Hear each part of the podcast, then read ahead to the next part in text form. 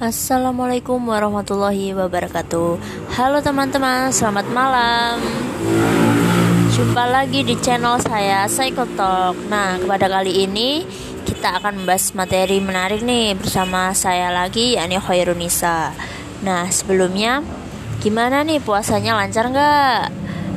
Jangan lupa ya, tetap stay healthy and stay at home tetap semangat walaupun masih ada virus corona. Oke, okay? Nah, untuk mengisi waktu kalian, kita akan membahas materi yang menarik, yakni yang kemarin itu adalah teori perkembangan menurut Jen Piaget. Kali ini kita akan membahas tentang teori perkembangan menurut Vygotsky. Nah, sebelumnya kita perlu mengenal siapa itu Vygotsky. Nah, beliau ad adalah seorang ilmuwan psikologi yang bernama lengkap Lev Sem Semyonovich Vygotsky yang lahir pada tahun 1896 di Saris, Rusia. Nah, beliau itu merupakan tokoh yang sangat un sangat terkenal selain Jedwijat juga. Ia pernah mengajar di sekolah provinsi yakni mengajar kesusastraan dan memberi kuliah psikologi pada suatu sekolah keguruan. Nah, dia juga dia dipercaya membawakan kuliah psikologi walaupun secara formal.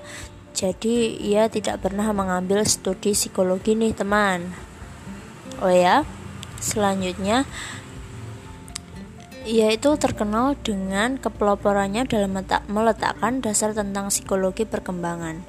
Nah, teorinya itu telah mempengaruhi banyak sekolah pendidikan di Rusia yang kemudian teorinya berkembang dan juga dikenal luas di seluruh dunia hingga saat ini.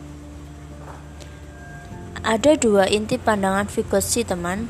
Yang pertama, kemampuan kognitif dimediasi dengan kata.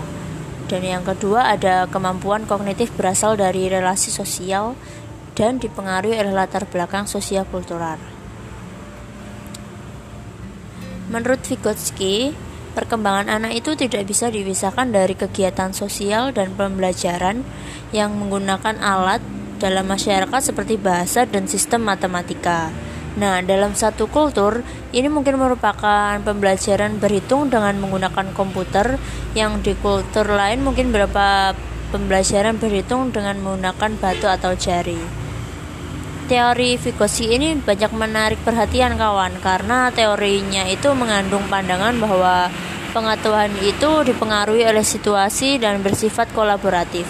Artinya pengetahuan didistribusikan di antara orang dan lingkungan yang mencakup objek, alat, buku, dan komunikasi di mana orang itu berada.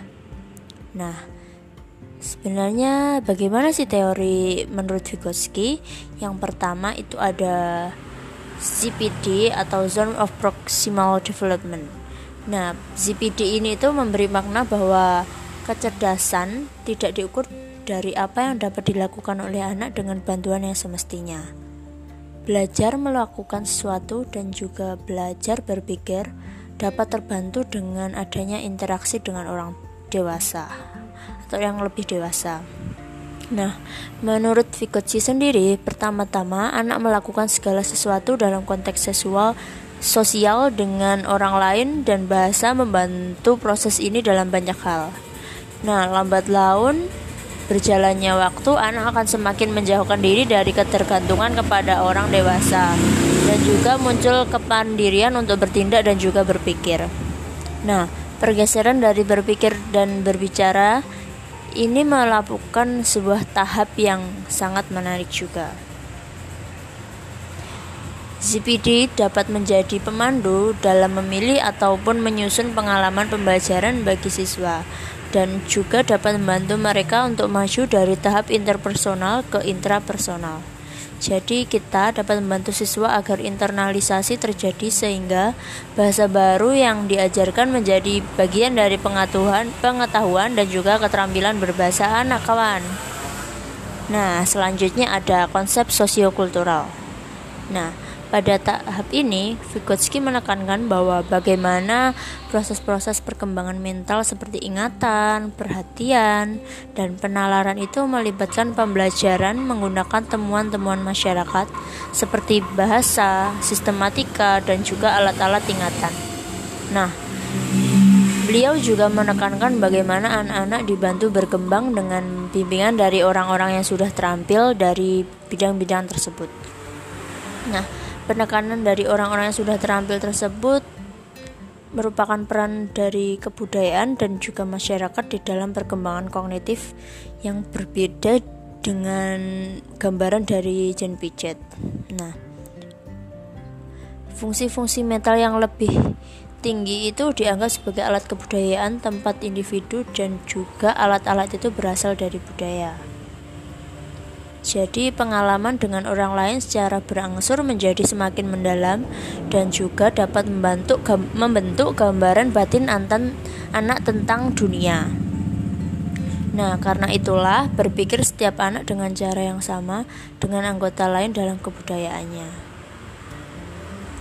Nah, ada juga lingkungan sosial yang menguntungkan anak adalah orang dewasa atau orang yang lebih mampu memberi penjelasan tentang segala sesuatu sesuai dengan nilai kebudayaannya.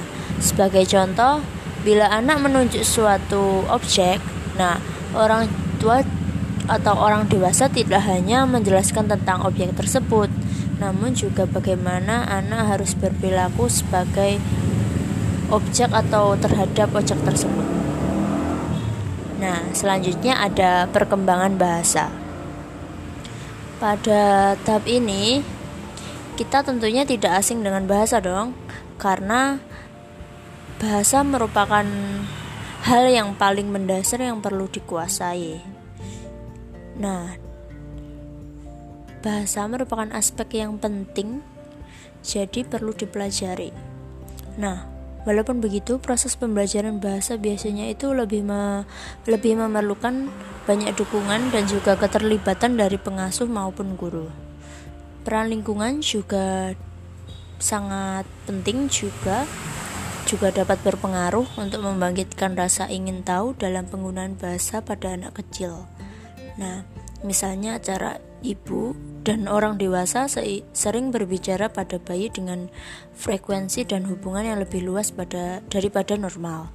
Nah, begitupun juga mereka apa, berbicara dengan kalimat-kalimat yang sederhana. Bahasa sendiri dapat dipahami dalam suatu urutan tertentu. Nah, pada setiap tahap di dalam tahap perkembangan, interaksi linguistik anak dengan orang tua dan juga orang lain pada dasarnya mengikuti suatu prinsip tertentu. Nah, Vygotsky lebih men banyak menekankan bahasa dalam perkembangan kognitif daripada Piaget. Nah, bagi Vygotsky, bahasa berkembang dari interaksi sosial dengan orang lain. Awalnya satu-satu fungsi bang satu-satunya fungsi bahasa adalah komunikasi. Namun, bahasa dan pemikiran itu berkembang sendiri, tetapi selanjutnya anak mendalami bahasa dan juga belajar menggunakan sebagai alat untuk membantu memecahkan masalahnya. Nah, dalam tahap praoperasional, ketika anak belajar menggunakan bahasa untuk menyelesaikan masalah, mereka berbicara lantang sembari menyelesaikan masalah. Jadi, sebaliknya, bila menginjak tahap operasional konkret, percakapan batinlah yang tidak terdengar lagi. Wah, ternyata menarik juga ya kawan.